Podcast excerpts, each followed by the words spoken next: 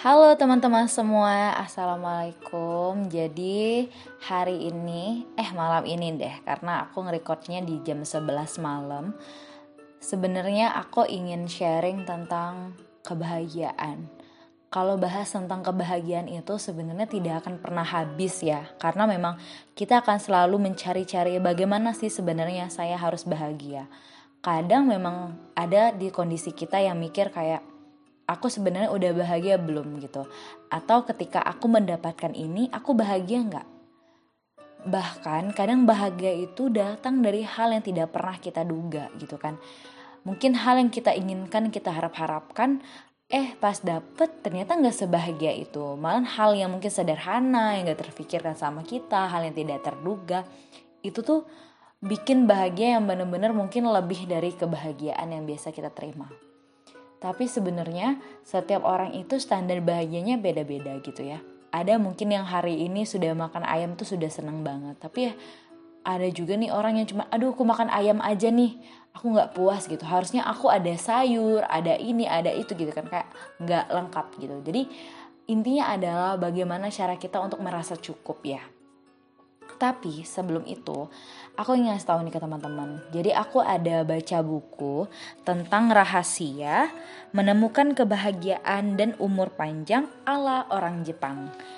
Jadi aku merasa bahwa aku beli buku ini kayak kenapa sih orang Jepang itu kan punya etos kerja yang bener-bener bagus banget ya teman-teman ya. Tapi mereka tuh masih sempat loh merasakan kebahagiaan. Bukannya mereka nggak berhak bahagia, cuma masuk aku tuh kayak mereka punya kebahagiaan gitu loh. Tapi gimana sih cara mereka untuk menemukan kebahagiaan dengan menciptakan itu sendiri dengan jadwal kerja mereka yang padat. Nah, dalam buku ini jadi aku udah baca nih prolognya. Dan yang aku dapetin adalah sebenarnya ketika kita menanyakan kebahagiaan seharusnya kita tidak menanyakan ke orang lain, tapi menanyakan kepada diri kita sendiri. Eh karena memang diri kita sendiri loh yang bisa menemukan kebahagiaan seperti apa sih yang sebenarnya kita inginkan. Cuman pada buku ini aku dapat ada empat hal konsep ikigai gitu. Gimana cara kita punya rasa bahagia atau menemukan rasa bahagia. Karena memang kenapa sih aku sampai mau bahas ini karena siapa sih di antara kita yang tidak ingin mencari kebahagiaan? Pasti akan selalu atau kita kadang melihat kayak di explore media sosial kayak cara-cara bahagia dengan ini dengan itu kayak kita baca gitu berarti kita sebenarnya tertarik nih dengan topik ini gitu kan. Kalau kita nggak tertarik ya kita biasa-biasa aja. Atau kita sampai nyari di YouTube nih kayak mendengarkan tentang ini cara bahagia cara tenang gitu kan. Karena banyak banget ini sebenarnya setiap manusia akan selalu mencari kebahagiaan ya. Tapi di pertama yang empat hal yang memang harus penting gitu ya menurut buku ini adalah apa yang kamu sukai. Nah, pada saat ini aku nih mikir, apa ya yang sebenarnya aku sukai gitu ya? Seperti yang sudah disinggung gitu kan ya, tanyakan pada diri sendiri tentang apa yang kita sukai. Sebagai manusia, pasti kita memiliki sesuatu yang disenangi. Entah itu warna favorit, warna baju, makanan, dan masih banyak bentuk atau mungkin yang kamu menyukai seseorang. Meskipun setiap orang memiliki rasa kesenangan, sayangnya tidak banyak orang yang tahu bagaimana menemukan apa yang paling disukai. Bahkan, ketika kita sudah menyukai sesuatu hal, tidak menjamin apa yang kita sukai akan membuat kita bahagia. Sebagai contoh umum, kita jatuh cinta pada seseorang. Ketika jatuh cinta, sudah pasti hati kita akan merasa gembira. Rasa bahagia itu akan merubah menjadi rasa sedih ketika orang yang kita cintai tapi tidak membalas rasa cinta kita. Nah, alih-alih kita mencari kebahagiaan ternyata menimbulkan rasa sedih yang berkepanjangan. Di sinilah seni mencari ikigai atau ada rahasia yang dapat dilakukan agar reaksi negatif tetap disikapi dengan positif. Selanjutnya, hal yang aku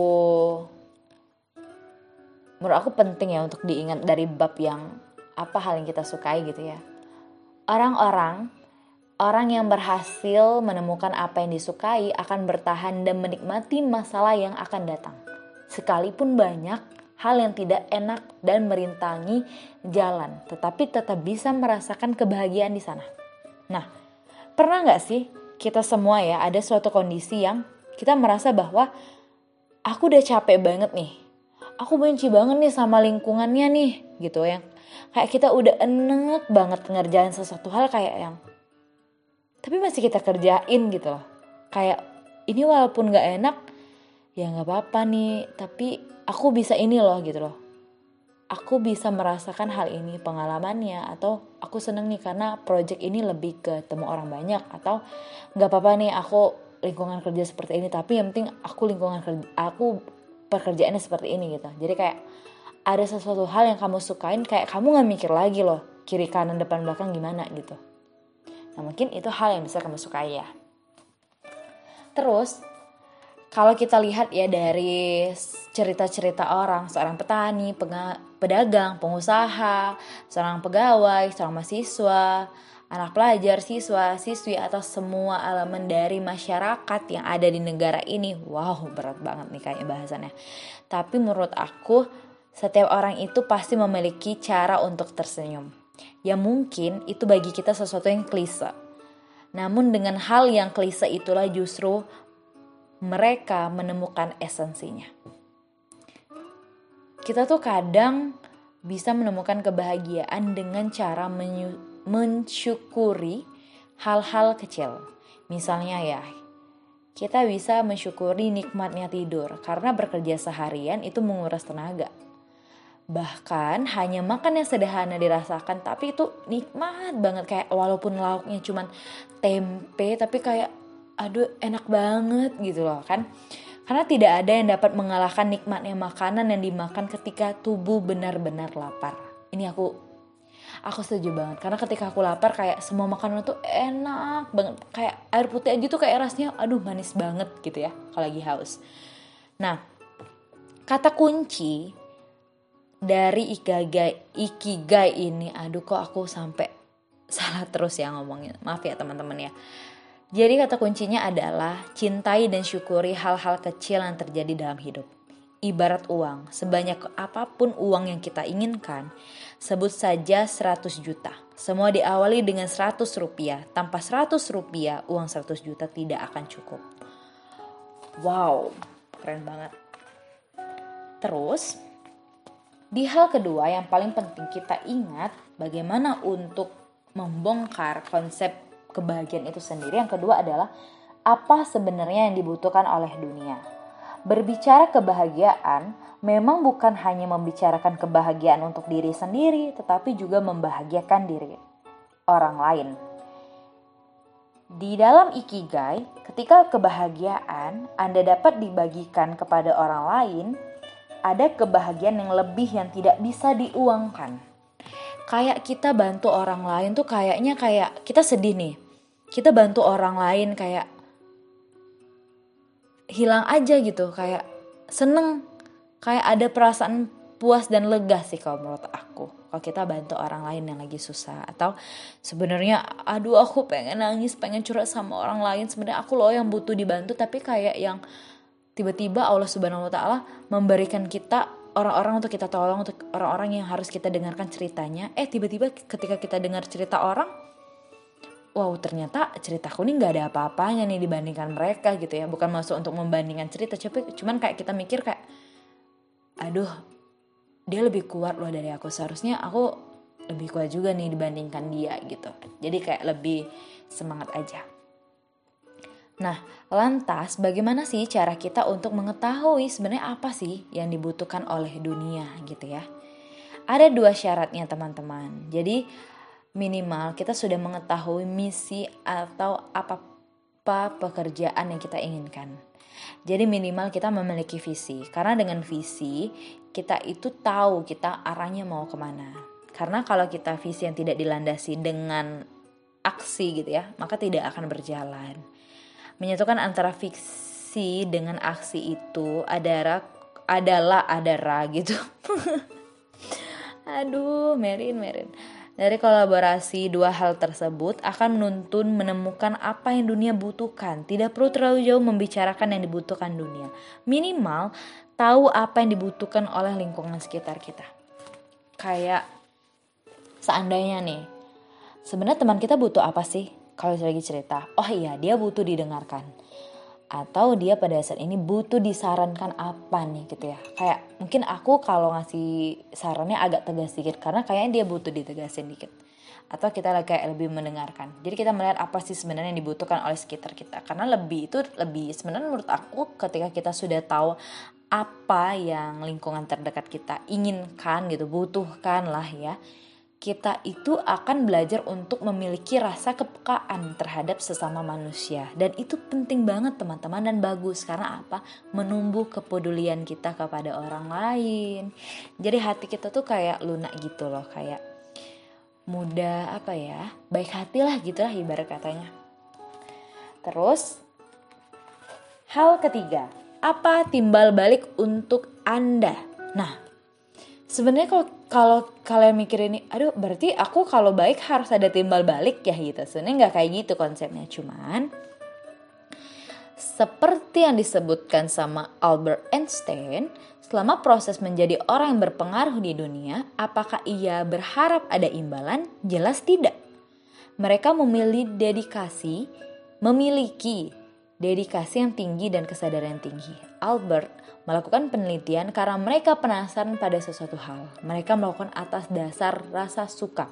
Nah, pada ketiga ini kan dibahas, dibahas lagi ya, ternyata kita benar-benar harus nih melakukan hal-hal yang memang kita sukai gitu ya. Setelah sekian banyak penemuan dan manfaat yang mereka temukan, akhirnya mereka kini dilayak dibayar. Berbicara dibayar tidak melulu tentang uang loh, tetapi dibayar dengan memberi hormat. Misalnya nama mereka dikenal hingga penjuru dunia. Jadi sebenarnya nggak harus yang kayak kalian kalau orang kasih apel terus kalian berharap dikasih apel 2 kilo juga kan nggak gitu konsepnya ya. Terus yang ketiga. Eh, yang ketiga ya jadi teman-teman, sedikit orang yang memiliki dedikasi dan jiwa penasaran terhadap ilmu pengetahuan. Misal pun ada peneliti-peneliti dari negara maju yang mendominasi. Tidak tanggung-tanggung, mereka bekerja lebih berat, lebih beresiko tinggi, namun mereka memiliki nilai tawar yang tidak dapat diragukan lagi. Wajar jika mereka memiliki sesuatu hal yang memang sangat uh, berbeda, hebat banget gitu ya. Jadi sebenarnya kita juga bisa loh seperti mereka. Berarti kita memang harus mempunyai dedikasi dan jiwa untuk apa pun yang kita kerjakan. Terus yang keempat, apa kemampuan Anda? Wow, dari dari kita belajar tentang hal yang disukai. Yang kedua, kita belajar, yang kedua kita belajar untuk apa nih? apa yang dibutuhkan oleh dunia. Terus yang ketiga kita belajar timbal balik untuk kita dan yang keempat apa kemampuan Anda. Kenapa sih sebenarnya ini ditaruhnya di paling akhir ya? Jadi tidak semua orang memahami apa yang kita sukai. Jangankan tahu apa yang disukai, kadang mereka mencari tahu apa yang disukai sudah merasa kesulitan. Nampaknya kita perlu belajar dari kehidupan anak-anak Anak-anak memiliki jiwa yang jujur dan selalu hidup dengan ceria dan bahagia. Anak kecil memang tidak mengenal uang atau jabatan, sejatinya anak-anak tidak memiliki apa yang seperti orang dewasa. Yang terlalu banyak hal yang bisa saja menjadi bahan pertimbangan. Nah, aku nggak tahu ya, aku bener-bener sebegitu sukanya dengan yang keempat ini. Apa kemampuan Anda? Jadi, anak-anak hanya memiliki dunianya hari ini tidak memikirkan masa depan ataupun masa lalu. Mereka hidup di hari ini, sedangkan orang-orang dewasa hidup pada masa lalu, masa sekarang, dan masa depan. Anak-anak juga tidak tahu teori ikigai atau teori kebahagiaan. Meskipun demikian, mereka akan tetap tersenyum. Ketika mereka bersedih, itu pun juga tidak akan lama. Kunci kebahagiaan mereka sebenarnya terletak pada momen menikmati hari saat ini. Mereka memiliki kemampuan untuk menikmati hidup dan dunia sendiri. Bahkan, anak-anak yang tinggal di desa, meskipun tidak memiliki mainan, mereka tetap bisa bermain dengan apa pun yang ada sekitar mereka. Kadang, hal-hal itu tidak harus berasal dari hal-hal yang mewah, modern, tapi kita bisa memiliki kebahagiaan walaupun kita tidak punya biaya nih untuk membeli itu. Just, jadi juga justru keterbatasan itu bisa membuat kita merasakan hal-hal yang di luar dugaan. Jadi, ketika kita sudah tahu apa yang kita sukai, kita juga akan cepat menemukan kebahagiaan. Bahkan dari hal-hal kecil di sekeliling kita, yang barangkali orang lain itu tidak berharga, tetapi kita mampu untuk menemukan kebahagiaan di sana. Jadi dalam buku ini, itu yang aku dapetin ya sekitar 15 menit aku mencoba untuk membacakan ke teman-teman apa sebenarnya isinya.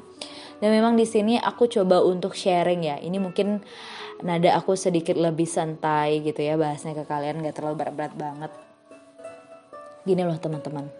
Karena sebelum tidur itu kita pasti banyak banget ya pikiran overthinkingnya gitu ya. Sebenarnya aku ini kenapa gitu kan. Kok aku gak bahagia gitu aku punya teman. Aku juga punya keluarga yang sayang sama aku. Aku juga punya dikelilingi oleh orang-orang yang peduli gitu ya. Sebenarnya aku nggak sendirian di dunia ini. Tapi kenapa aku merasa hampa gitu? Tapi kenapa aku merasa bahwa aku sendiri tapi sebenarnya banyak orang gitu. Kadang-kadang aku mikir gimana sih untuk kita bahagia terus tapi bukankah hidup itu seperti sebab dan akibat ya teman-teman? Ketika kita bahagia, maka juga sebentar lagi ujian datang. Ketika ujian datang, juga sebentar lagi kita akan bahagia. Akan selalu seperti itu. Mereka adalah dua si kembar yang selalu ada di hidup kita gitu ya. Ujian sedih, ujian eh ujian sedih, ujian bahagia, ujian bahagia gitu ya. Pasti kayak udah udah ada ujian pasti ada hikmahnya gitu hal kebahagiaannya. Kayak pasti udah bahagia pasti ada lagi ujiannya gitu ya. Nah aku berharap nih kebahagiaan itu memang kalau kita cari-cari kayak nggak nemuin. Tapi sebenarnya kebahagiaan itu deket loh. Deket banget sama kita. Aduh di mana mer? Aku nggak nemu. Nggak ada di sebelah aku nggak ada di samping aku nggak ada di depan aku gitu ya. Tapi bener Kebahagiaan itu kita ketemuin ketika kita sudah nanyain ke diri sendiri. Kayaknya kalau kita punya rasa cukup gitu ya, punya hati yang sangat lapang gitu ya, menerima gitu. Oke, okay, ini rencana aku ya Allah. Tapi kalau rencana aku